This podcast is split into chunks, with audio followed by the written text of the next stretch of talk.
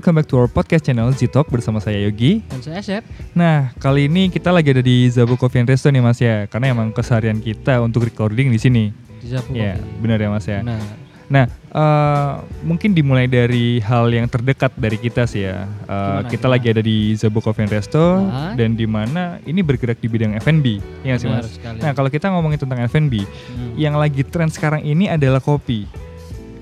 Eh, benar kan? Ya. Ha, mungkin emang sekarang banyak sekali orang yang ngopi dan banyak sekali akhirnya warung-warung kopi yang buka gitu. Coffee shop coffee shop zaman sekarang, Menjadi cafe zaman sekarang. sekarang Benar, benar. Mm-mm. Gaya hidup sekarang emang lebih eh, bagaimana mereka itu mendapatkan sesuatu eksistensi sih ya. Iya. Dan itu melalui media kopi salah satunya. Ah, ah, benar. Nah, eh, Mas Asep nih ya, sebagai barista di sini, kira-kira eh, gimana pandangan Mas Asep tentang tren kopi sekarang ini?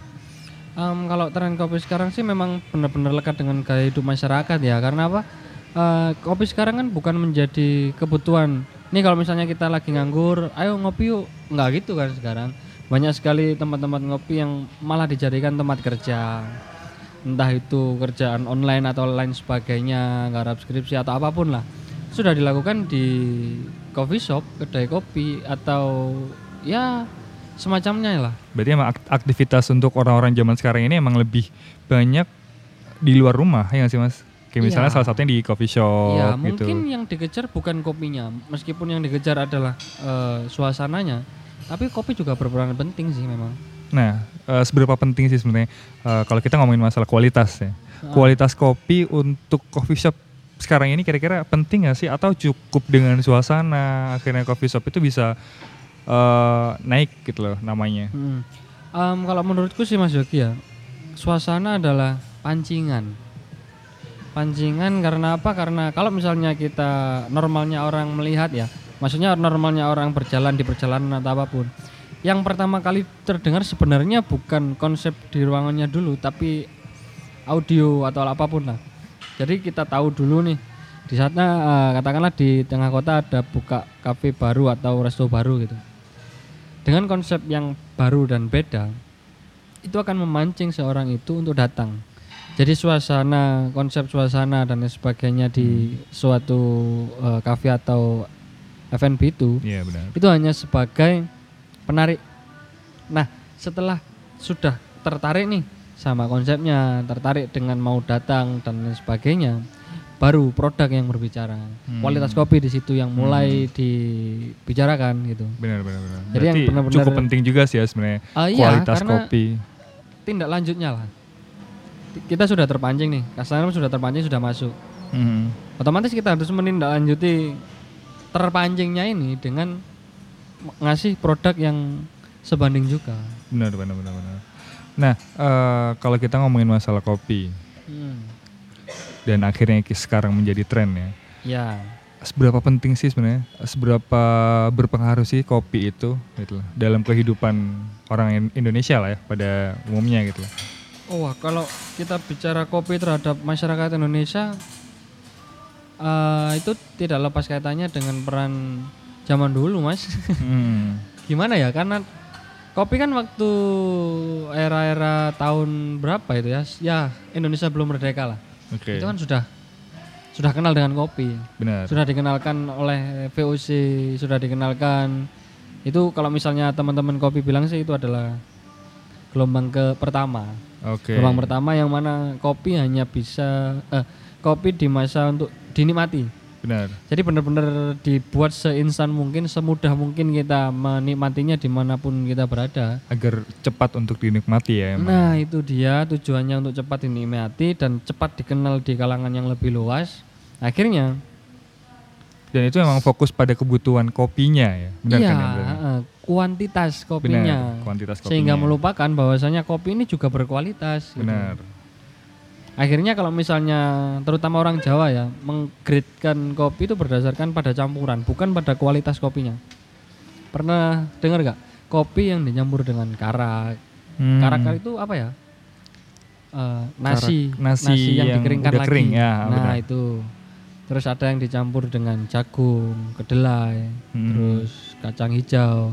Nah itu semakin banyak campuran semakin rendah kualitas kopi tersebut. Oke oke oke. Kalau di masyarakat Jawa karena kita adalah korban penjajah benar benar benar. kayak gitu.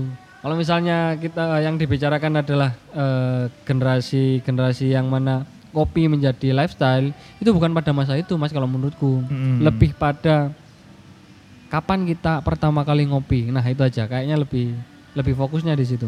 Oke. Kalau sampean sendiri kapan pertama kali ngopi dan kopi apa yang dinikmati? Pertama kali ngopi. Mm-mm. Eh, pertama kali ngopi mungkin kalau saya menerjemahkan ngopi dengan konteks yang cukup serius ya Ya. eh, benar-benar mengenal kopi itu mungkin sejak saya semester limaan lah waktu itu lagi magang di Mm-mm. Surabaya Widih. jadi sebelumnya emang sering ngopi Ah. sering ngopi tapi itu bukan ngopi dalam konteks ini ya eh, benar-benar minum kopi ya tapi Ya. ya mungkin ngopi tapi kita eh, saya pesen misalnya teh atau jus atau dan yang lainnya lah Kami sebenarnya. pamit es teh. ya. Eh, Nah benar, ya maksudnya kopi as a media untuk ngobrol lah Iya, iya. gitu. Nah eh, kalau untuk ngopi yang benar-benar ngopi itu waktu saya magang di Surabaya. Nah ketika itu ada temen yang eh, waktu itu dia kerja di situ juga, Mm-mm. dia kerja di situ juga dan akhirnya mereka eh, dia itu memperkenalkan saya pada kopi. Oh. Waktu itu diajakin ngopi ke lupa tempatnya apa itu. Nah, dicekokin sama kopi. Dipesenin dia americano waktu itu. Oke. Dikasih americano, coba Iya. yuk gitu. Iya, cobalah gitu. Meskipun sebenarnya sebelumnya itu belum pernah ngopi. Hmm. Dicoba kok beda gitu loh. Maksudnya Hmm. eh, ya mungkin selama ini kalau misalnya eh, pesen kopi itu pasti pahit. ya. Pahit, kopi, Pahit tan- gitu. pakai ampas, Nah, gula gitu. benar, kan. benar yang seperti itu. Nah, waktu itu beda gitu loh. Rasanya itu ya emang ada pahitnya dikit. Cuman Hmm. Ah. eh, ada rasa apa ya seperti buah eh, macam-macam lah intinya. Iya. Macam-macam kayak gitu. Mhm. Jadi eh, mulai dari situ akhirnya mengenal kopi ya tertarik lah sebenarnya itu. Tertarik dan akhirnya mungkin di situ eh, belajar untuk gimana sih menyeduh kopi itu Hmm. akhirnya dan berujung pada waktu itu eh, membeli peralatan sendiri, nyeduh Oh. di rumah sendiri karena Iya. seperti itu. Dan akhirnya kalau misalnya waktu itu di Malang sih ya, Iya. waktu itu di Malang. Jadi di Sambil Malang kuliah berarti itu ya? Iya benar Hmm. waktu itu eh, lagi kuliah. Tapi udah ini sih, udah selesai kalau untuk teorinya udah selesai. Hmm. Jadi waktu itu tinggal magang sama skripsi aja. Iya, iya. Nah akhirnya kenal banyak anak kopi juga gitu loh melalui situ. Mm-mm. Jadi sering Di ngopi Malang? di sana di Malang. Hmm. Nah, eh, sering ngopi dari kedai satu kedai ke kedai-kedai yang lainnya Iya. gitu. Akhirnya menarik juga gitu loh. Heeh. Jadi mulai dari situ akhirnya eh, mengenal bahwa sebenarnya kopi ini sangat panjang sejarahnya dan untuk sampai kepada gelas yang kita minum ini cukup panjang ceritanya gitu loh. Dimulai gitu. dari mereka ditanam dan akhirnya eh, kita seduh itu cukup panjang gitu loh. Akhirnya mungkin dari situ saya lebih bisa mengapresiasi sih kopi itu. Oh gitu ya. Ah, ah. Sebenarnya Benar, beda ya. Kalau sama saya beda banget malah. Beda gimana mas? Jadi gini, sama ada samanya ada bedanya. Kak, Samanya sih saya pernah pertama kali kenal sama kopi yang di gelombang kedua ini itu di Surabaya juga. Oke. di salah satu coffee, coffee shop di Surabaya. Pertama kali saya datang ke sana itu untuk interview kerja, tapi bukan di kerja di kafenya itu. Mhm. Cuman memang interviewnya di tempat itu gitu loh. Oke. Nah, interview di sana, interview selesai karena mengharuskan untuk pulang kan setelahnya Hmm. eh, nunggu kereta, jadwal Oke. kereta. Karena akhirnya ya udahlah ngopi dulu. Benar. Pertama kali ngopi di tempat sebagus itu, saya lihat menu dong. Ya ampun mahal sekali untuk Waktu kopi itu sih pertama ya? kali ya, Waktu untuk itu kopi sih. pertama kali. Waktu itu pesan apa kira? espresso karena Paling di murah. tabel paling murah. Iya iya, benar benar itu benar. pun masih 15.000 ribu waktu itu Iya ingat iya banget iya. saya. iya. Espresso aja mbak. Oh ya mas, dikasih lah espresso. Hmm. Penyajiannya itu satu cangkir espresso one shot itu Iya. air putih, terus sama gula. Heeh. Gulanya ada dua, ada gula putih sama gula aren. Gula merah. Di benak saya itu, ya Allah ini kopi cuman segini mahal banget. Dikit banget ya. Eh. Akhirnya tak di eh, dicoba kan, Heeh. tak coba dan rasanya Ya Allah tidak enak. Pahit Bagi yang saya jelas ya. tidak enak, tidak enak banget mengganggu, pahit, terus apa sih? Eh, meninggalkan kesan Aftertaste. nggak nyaman gitu loh di tenggorokan itu. Iya benar-benar. Nggak enak pokok. Oke. Terus saya mikir, "Lah ini kopi sudah mahal, nggak enak gitu. Apa harus dikasih gula? Oke, campur gula. Semakin tidak enak, akhirnya aku protes. Protes. Mbak ini kenapa kok yang kopi yang saya pesen kok nggak enak? Apakah yang salah kopinya atau kayak gimana? Mohon dicoba dulu lah. Intinya Hmm. saya komplain lah. Yang datang bukan mbak si pelayan tadi, tapi si Hmm. mas baristanya. Oke. Namanya Mas Hendri. Dia menjelaskan, Mas ini memang espresso kayak gini penyajiannya. Ini kopi dari bla bla bla lah dijelaskan saya lupa Hmm. detailnya. Yang penting dia men- eh, menjelaskan bahwasanya ini benar-benar kopi murni yang diekstrak dengan tekanan sehingga menghasilkan sari kopi waktu itu menjelaskannya. Dalam pikiran saya ini prosesnya ribet juga ya. Kayaknya juga menarik gitu loh. Akhirnya aku tertarik. Kenapa harus dibikin kayak gitu mas? Kenapa nggak hanya kopi dikasih air panas sama gula aja? Mas si Mas baristanya Mas Hendri itu menjelaskan bahwasanya nggak semua kopi enak dinikmati pakai gula mas. Kalau misalnya memang eh, masnya nggak nyaman dengan espresso, saya ada kopi yang lebih kadarnya lebih rendah daripada itu. Hmm. Dibikinkan juga sama eh, americano, cuman ice. Hmm. Nah dikasihnya ice americano tanpa gula juga. Dicoba dulu mas tanpa gula. Di situ baru menemukan oh ternyata sama proses beda treatment akhir itu juga Hmm. men- beda banget ya hasilnya. Benar, Di situ aku mulai tertarik. Nah gitu. Jadi dijelaskan juga itu varietasnya apa, kayak gitu. Kopi yang semen- selama ini sama minum yang pahit itu itu yang robusta, ada Hmm. lagi yang arabica dan lain sebagainya itu dijelaskan sama benar, Di situ aku mulai sedikit tertarik lah. Belum sepenuhnya juga sih, cuman sudah mulai cari tahu. Istilahnya kalau orang Jawa bilang gelani repot amat. Iya, benar, benar, benar. ya kan? Terlalu ribet sih emang Nah, kalau dilihat ya. Kalau misalnya kita lihat mah. Nah, eh, kalau misalnya kita lihat lah ya eh, dari tadi yang Mas Acep, yang Mas Asep ceritakan itu mungkin bagaimana seorang barista itu handle customer ya nggak sih? Heeh. Itu cukup penting itu ya. Nah, kalau misalnya barista-barista istilahnya mereka itu dibekali dengan ilmu pengetahuan tentang kopi yang cukup matang ya Ha. dan mereka memiliki eh, skill untuk handle customer yang bagus Mm. itu akhirnya ya mereka bisa mengedukasi customer untuk bisa menikmati kopi yang dia sajikan gitu loh. Iya nggak sih mas? Karena emang ya dilihat dari kopinya ini ya, biji kecil, tapi itu cukup unik. Unik karena memang dari berbagai macam cara itu bisa menghasilkan rasa yang berbeda. Iya. Iya kan? benar. Nah akhirnya mulai dari situ eh, itu tantangan dari seorang barista sih sebenarnya. Hmm. Tantangan jadi seorang barista yang akhirnya mereka bisa mendeliverkan pesan yang disampaikan oleh barista ini ke customer gitu loh melalui kopi. Iya benar. Ya benar nggak sih mas? Benar. Jadi eh, kalau misalnya ditanya nih kerepotan untuk menghadapi, untuk menghadapi customer kira-kira apa sih tantangan terbesar seorang barista kalau misalnya ketemu sama customer nih? Sebenarnya kalau misalnya bagi saya seorang barista ya ngobrol sama customer tantangan yang paling besar itu adalah perbedaan bahasa. Hmm. Ah sorry, perbedaan istilah. Nah Oke. itu, itu terasa banget. Ada banyak stigma di masyarakat bahwasanya kopi tubruk adalah kopi yang ditubruk dengan alkohol. Hmm. Ada kan yang bilang gitu. Mhm. Ada lagi kopi tubruk adalah kopi yang ditubruk pakai air panas Hmm. tanpa gula. Terus kopi tubruk adalah kopi yang ya kopi sama gula sama air panas. Udah dan itu pun harus benar-benar mendidih dan sebagainya. Nah itu salah satu eh, kendala dari barista sebenarnya itu karena kita belajar dari fakta. Kita belajar dari pengetahuan ilmiah. Ini varietas ini, terus treatmentnya kayak gimana, jenisnya, rasanya bagaimana dan lain sebagainya terkendala oleh itu tadi perbedaan istilah di setiap daerah kan selalu beda ya. Jadi Hmm, benar. dan kita pun juga nggak bisa ngontrol siapa siapa saja yang datang dan dari mana mereka kan. Hmm. Jadi mereka selalu punya ekspektasi sendiri di luar sana Hmm. yang mana selalu dia bawa ke mana pun dia ngopi. benar benar benar benar. Ada yang unik dengan stigma kayak gitu. Saya pernah punya pengalaman dengan Pak Haji.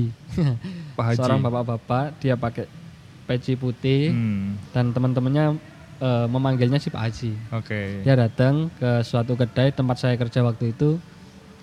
Mas, di sini ada kopi apa aja? Saya ini penggemar berat kopi. Oke. Nah, di situ saya benar-benar tersanjung karena apa? Karena biasanya kita benar-benar menceritakan dulu nih produk Hmm. kita apa aja, ini kopi dari Toraja dan sebagainya. Hmm, Dengan sukarela si beliau ini datang ke minibar kita memperkenalkan diri. memperkenalkan diri sebagai Benar. pencinta kopi banget. Oke. Saya sudah mencoba semua kopi di Indonesia, Mas.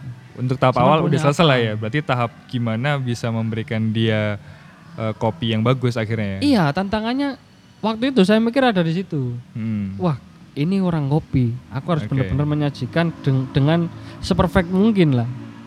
Hmm. Biasanya ngopi apa, Pak? Duh, semua kopi saya coba, Mas. Kopi hitam, kopi susu pernah semua. Sama punya kopi apa aja sih? Nah, saya menjelaskan nih. Kita punya single origin, Pak. Kita ini dari kayu, ini dari Bali, ini dari Toraja dan ini ada house blend untuk memang espressonya. Oh, beda-beda toh, Mas? Kayak Hmm. gitu jawabannya. Iya ya. Maksudnya beda gimana? Enggak.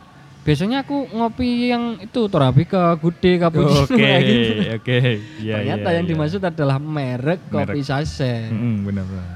Ya, Meskipun sama-sama kopi sih ya. Meskipun sama-sama Ya, kopi sih ya ya. sama. Berarti kan saya yang terlalu pasti terlalu tinggi. Oke, ya. benar benar. benar. Tapi nggak apa-apa sih, positive thinking itu sih Mas. Iya. Positive thinking sih. Iya, positive thinking.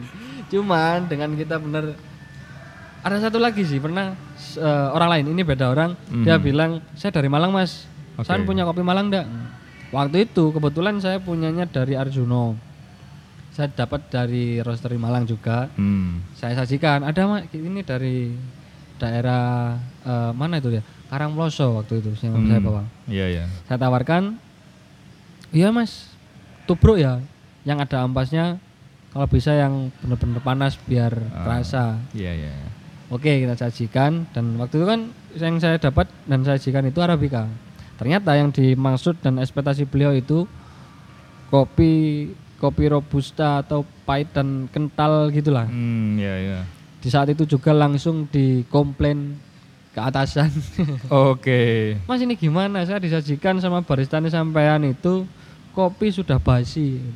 Oke, Karena kopi sudah basi. asam Ah, mungkin. oh, kopi arabica itu ya berarti iya, emang ya. Oke, padahal paham, memang paham. yang kita sajikan arabica. Ah. Cuman kan kita nggak tahu ya yang dimaksud mereka atau mungkin kita yang terlalu apa ya? Terlalu memberikan ekspektasi lebih ya kurang tahu lagi. Cuman memang itu kendala terbesar bagi saya sih. Perbedaan istilah. istilah bahasa gitu ya. Iya, istilah perkopian kita sama istilah Ah. perkopian masyarakat luas itu Benar, benar. ada beberapa yang miss lah. Ah. Dan mungkin beda atau gimana saya kurang tahu juga. Cuman memang ya kita memang harus benar-benar memahami customer yang paling benar, penting. benar, benar. Kalau untuk perbedaan bahasa atau memang karena istilah yang tidak pada umumnya ya mungkin kalau misalnya orang awam belum pernah tahu. Nah, kita mungkin bisa memaklumi itu. Tapi kalau Ya, misalnya justru malah jadi nilai jual kalau di situ. benar, tapi kalau misalnya antara customer sama barista, ini memang sama-sama tahu men gitu loh. Hmm. Sama-sama tahu Ya. dan akhirnya ada yang dibilang coffee snob. Iya. Nah, mereka yang mungkin dengan datang ke coffee shop, Ya. tapi mereka itu apa ya ngejudge bahwa sebenarnya cara yang dilakukan oleh barista itu salah men. Gitu. Nah, itu Sering nggak sih ada kayak sekali. gitu? Oh banyak sekali ya. banyak sekali. Ada nggak satu apa kisah ya? yang kira-kira eh, cukup jenaka atau gimana lah? Ada waktu itu waktu saya masih kerja di Kediri. Hmm, Jadi itu? dia itu datang dengan teman-temannya rombongan. Hmm. Kayaknya sih dia itu semacam kayak habis touring gitulah. Pokok pakaian dia itu pakai jas kulit, Hmm. eh, sorry jaket kulit, Oke. terus pakai ransel, kacamata hitam gitu. Ada sekitar ya lima atau tujuh orang lah yang Hmm. datang. Ada satu orang itu yang langsung datang ke minibar. Padahal di tempat saya kerja di Kediri itu itu nggak nggak bisa langsung. Jadi ordernya adalah si waiter yang datang. Hmm. Jadi untuk akses masuk ke wilayah barista itu sebenarnya nggak ada. Oke. Cuman dia memaksakan diri eh, kayak kepingin ngobrol sama saya gitu loh di Iya, balik iya. bar. Otomatis saya tanya balik dong. Ada yang bisa dibantu mas? Mas di sini pakai kopi apa? Saya itu paling suka sama espresso. Coba sama pak buatkan saya espresso yang paling enak buat menurut sampean gitu dia bilang siap mas butuh berapa? Pengen yang single shoot atau double shoot? Double dong. Oke siap. Saya bikinkan double shoot espresso. Dan dia eh, apa ya ngajak teman-temannya untuk sama-sama merasakan kalian kalau nggak pernah minum kopi kalian nggak keren gitu. Hmm, iya. dia benar-benar menanamkan diri bahwasanya dia paling keren di saat itu. Iya, iya, iya. saya tanya kan sambil saya bikinkan orderan si anak ini masnya suka kopi loh saya itu bartender handal mas sebutan awal saja sudah bartender handal di salah satu Hmm. coffee shop di Jember Oke. bartender handal di salah satu coffee shop di Jember Nah, Oke. Oh, berarti sudah sudah pro lah Mas ya. Iyalah Mas, saya aku kalau nggak minum espresso itu kurang mantap. Oh. Itu bilang. bartender yang suka kopi kayaknya. Iya, kurang tahu juga. Cuman aku memang sejujurnya memang merasa tertantang. Oke. Tapi di situlah insting apa ya? Keisenganku itu selalu muncul gitu loh. Oke, oke.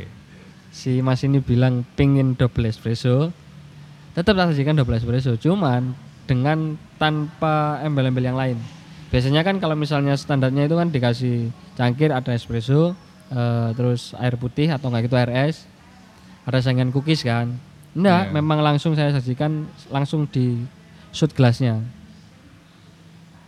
Mas kok kayak gini kopinya kurang manis ini nggak pakai gula sama sekali tuh gitu Hmm. Gitu mas, espresso itu kopi tanpa ampas gitu loh, sama dikasih bubuk di suatu wadah gitu, terus dituang langsung sama air panas. Nah di situ terus diperas mas. Hmm.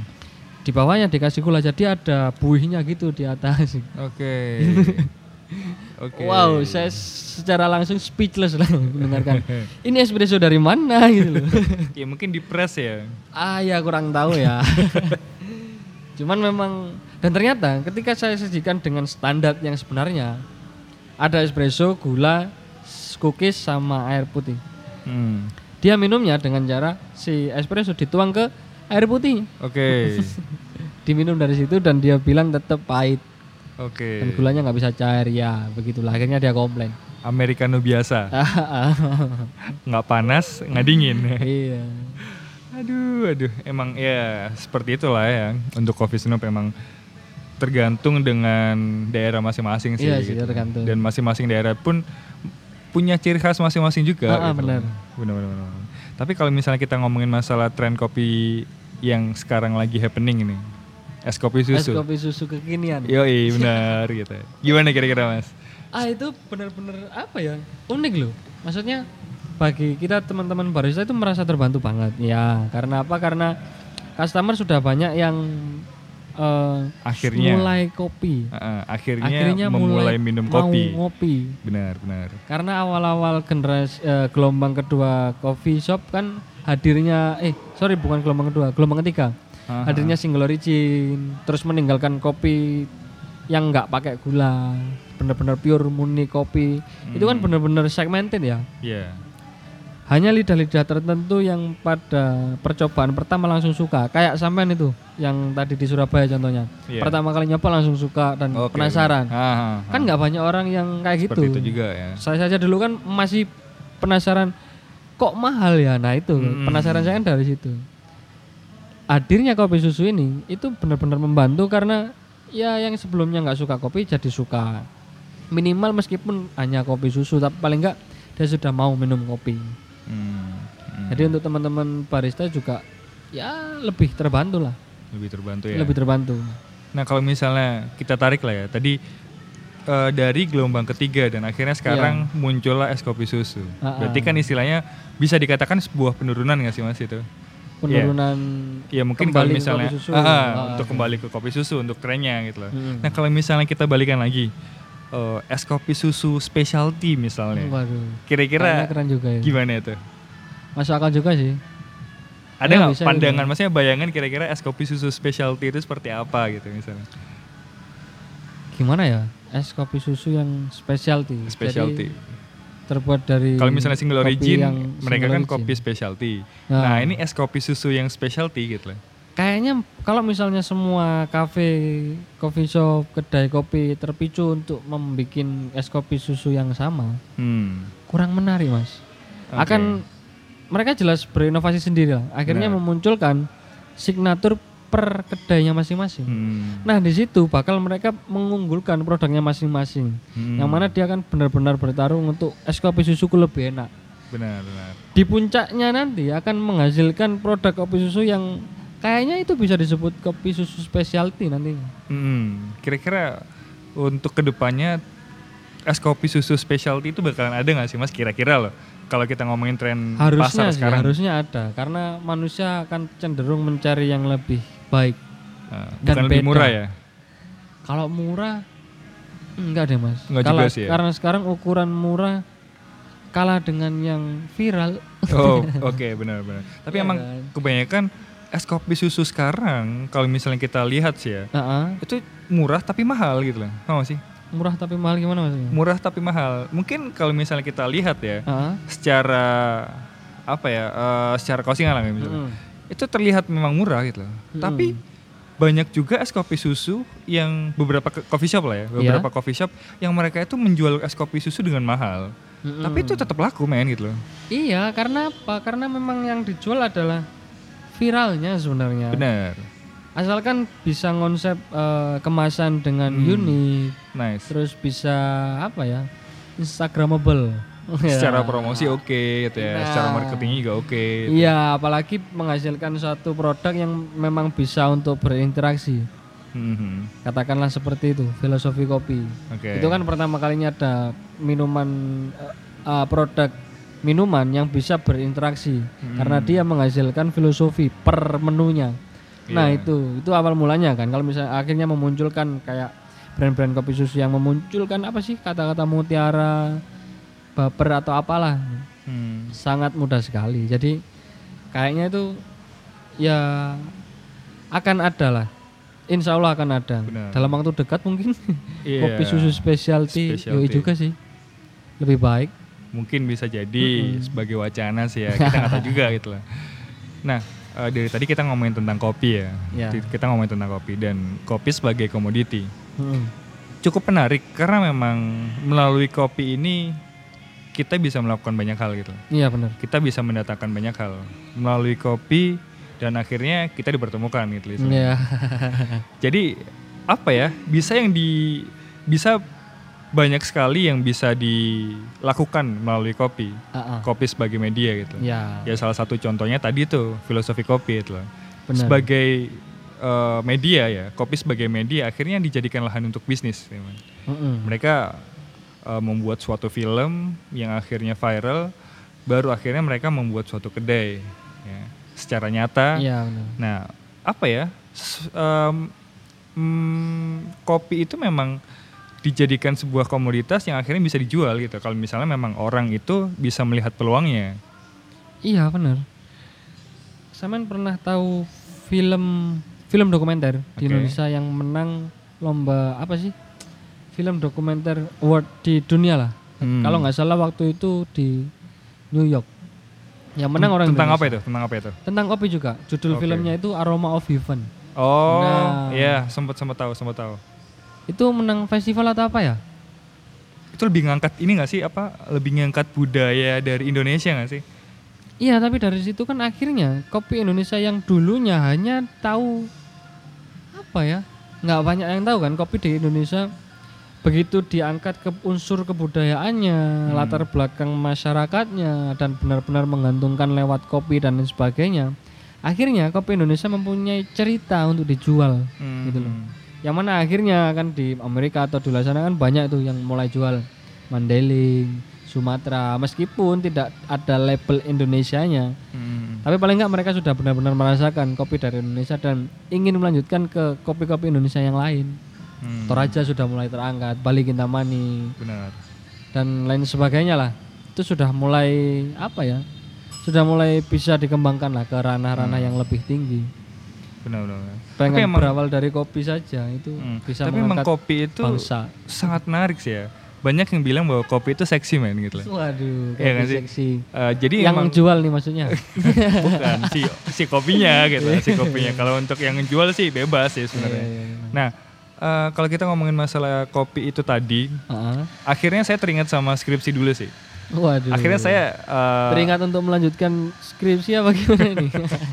Nggak, jadi ketika satu dulu itu saya terinspirasi dari kopi untuk Iya. mengambil penelitian gitu lah. Oh, Akhirnya iya, waktu itu saya ambilnya tentang daya saing kopi, men. Daya saing kopi. Daya saing. Daya saing, ha. Mm. Daya saing komoditi kopi.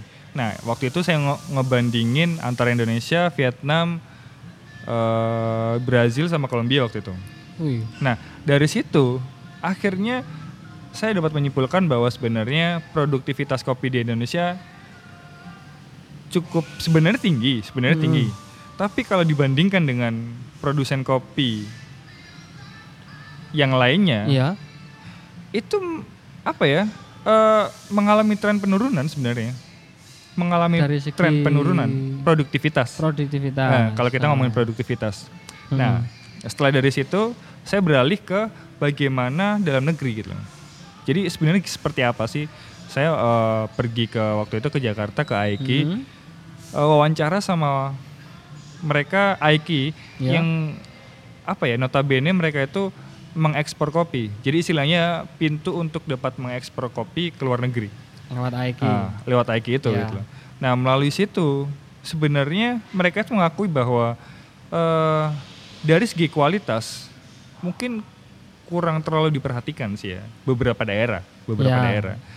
Cuman eh, anehnya adalah Indonesia masih tetap mengekspor kopi dengan jumlah yang cukup banyak gitu loh. Hmm. Nah, sedangkan ya bukan sedangkan sih, maksudnya eh, konsumsi kopi dalam negeri pun nggak terlalu banyak sih ya. Dan akhirnya larinya itu bagaimana Indonesia itu memberikan kuota ekspor yang besar.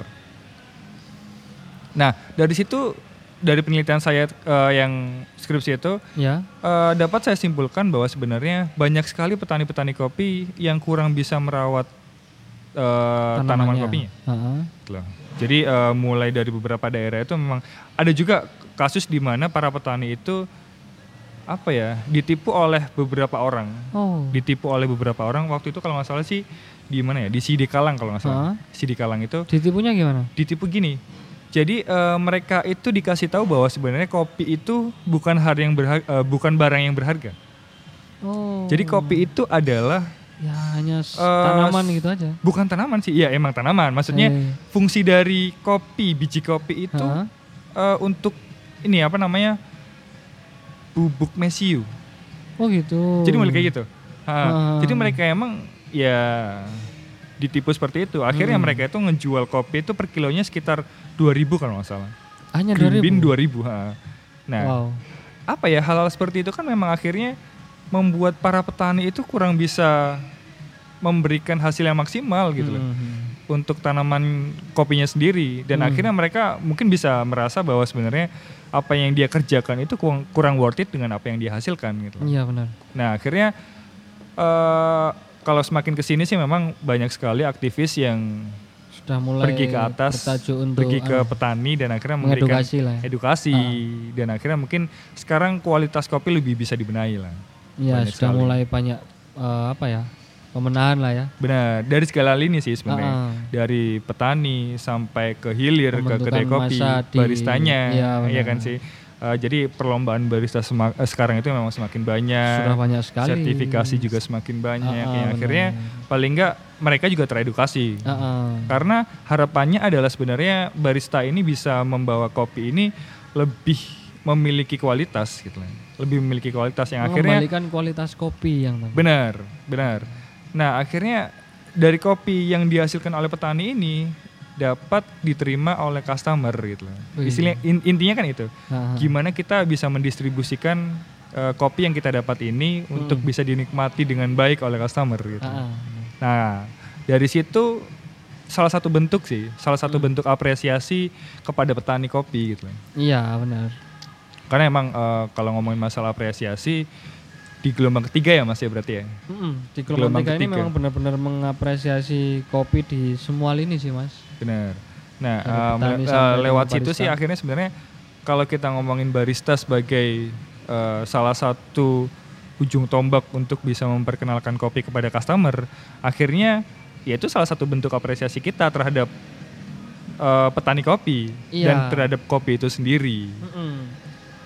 Cuman sebenarnya eh, stigma yang seperti itu memang sudah berjalan apa ya? Sudah sudah agak lama sih Mas ya. Hmm. Jadi ada banyak sekali teman-teman aktivis terutama dari entah itu barista atau perkumpulan dan lain sebagainya teman-teman kopi yang ingin mengenalkan kopi dan ingin membantu petani itu terkendala oleh kualitas kopinya. Hmm. Jadi mungkin mungkin karena contohnya di Jombang ya. Dulu kan ada pabrik kopi di Wonosalam. Iya ya. Belum banyak orang yang tahu sebenarnya kalau di Jombang pernah ada pabrik kopi. Pabrik kopi ya. Pabrik kopi. Tapi sekarang masih berfungsi nggak itu mas? Ah, Kira-kira? sudah tidak sekali. Oh. hmm. Sekarang sudah sudah tidak, cuman meninggalkan satu gudang kalau nggak salah. Oh. Yang masih aktif. Jadi Hmm. gudang hanya mengambil kopi aja Untuk petani di- kopi sana ya. Ha-ha. Benar-benar. untuk dikirim ke pabrik kopi yang masih aktif. Hmm. Mungkin petani itu sudah kepikiran untuk menjual kopinya lebih luas lagi. Mungkin karena banyak sekali literatur dan lain sebagainya yang menjunjung tinggi kopi. Terus film-film kopi, kafe-kafe baru sudah mulai bermunculan. Tapi tidak dibarengi dengan peremajaan Hmm. yang mana karena kopi yang sudah sekian tahun mereka tanamkan memang tujuannya adalah untuk kuali, kuantitas yang banyak. Benar, benar. Maksud saya itu nggak apa-apa kalau misalnya alur petani masih berfokus pada pabrik-pabrik kopi yang Hmm. membutuhkan tidak membutuhkan kopi yang benar-benar berkualitas bagus. Hmm. Cuman kan alangkah lebih baiknya kita carilah part-part yang memang ini potensi yang mana bisa dijual, diperkenalkan lebih luas, memperkenalkan kan juga lebih enak juga. Ya. Kayak misalnya di Jombang punya kopi yang berkualitas dan itu lahir di kota sendiri kan lebih enak juga. Hmm. Bisa membantu negara lah. Waduh. Benar, benar. Terlalu berat nggak sih membantu negara lewat kopi? ya mungkin emang lebay sih, cuman itu ya kalau disampaikan melalui kata-kata emang terlalu terlihat tinggi. Tapi Iya. kalau kita lihat melalui perbuatan, yaitu dengan perbuatan yang simpel, memang itu kata yang tepat gitu loh sebenarnya. Bukan perbuatan yang langsung sebenarnya yang diinginkan, Hmm. tapi terkendala oleh keadaan di atas sana. Oke. Maksudnya di gunung, di ke di petaninya gitu. petani Karena ya. apa? benar. Karena kita komoditi di kedai itu mungkin berapa sih? 50 kilo satu bulan, Hmm, 100 kilo. Lah mereka menghasilkan ton-tonan, men. benar, benar. Dua ton, tiga ton sekali panen. Kalau misalnya memang e, dari pihak petani menuruti keinginan satu atau dua, tiga kedai, Hmm. Oke gak masalah. Tapi kamu kalian para kedai mau nggak nih semua kopiku sekalian beli? Kan nggak gitu juga. Iya, benar. Kita tetap biarkanlah petani-petani masih mensuplai pabrik-pabrik. Toh juga mereka membantu masyarakat tetap ngopi juga kan. benar, benar. Selagi masih ambil di Indonesia ini kan nggak masalah juga. Benar. Dilihat dari segmennya juga sih ya. Iya, Berarti kan memang benar. kita membantu eh, untuk segmen-segmen kopi saset memang Ah, seperti itu. Mereka betul. memang memiliki penikmatnya sendiri. Kita nggak Iya, bisa benar. memaksakan bahwa orang yang suka kopi saset untuk berpindah ke kopi single origin. Secara gitu. langsung. Secara Nggak langsung bisa, apalagi nggak bisa. nggak gitu. bisa. Benar, benar, benar. Mungkin itu yang bisa kita obrolkan untuk episode kali ini ya. Iya, Kalau kita ngomongin masalah kopi sih banyak banget sebenarnya. Banyak Ya. banget yang bisa dibahas ya. Ha-ha. Tapi eh, kita usaikan sampai di sini lah ya. Ya, lain waktu lah kita mungkin akan mendatangkan satu sosok yang berhubungan dengan kopi mungkin Mas ya. Benar untuk ke depannya. Harapannya seperti itu sih memang. Ya. Mungkin itu yang bisa kita sampaikan. ya Cukup sekian. Terima kasih. dan selamat beraktivitas. Yeah.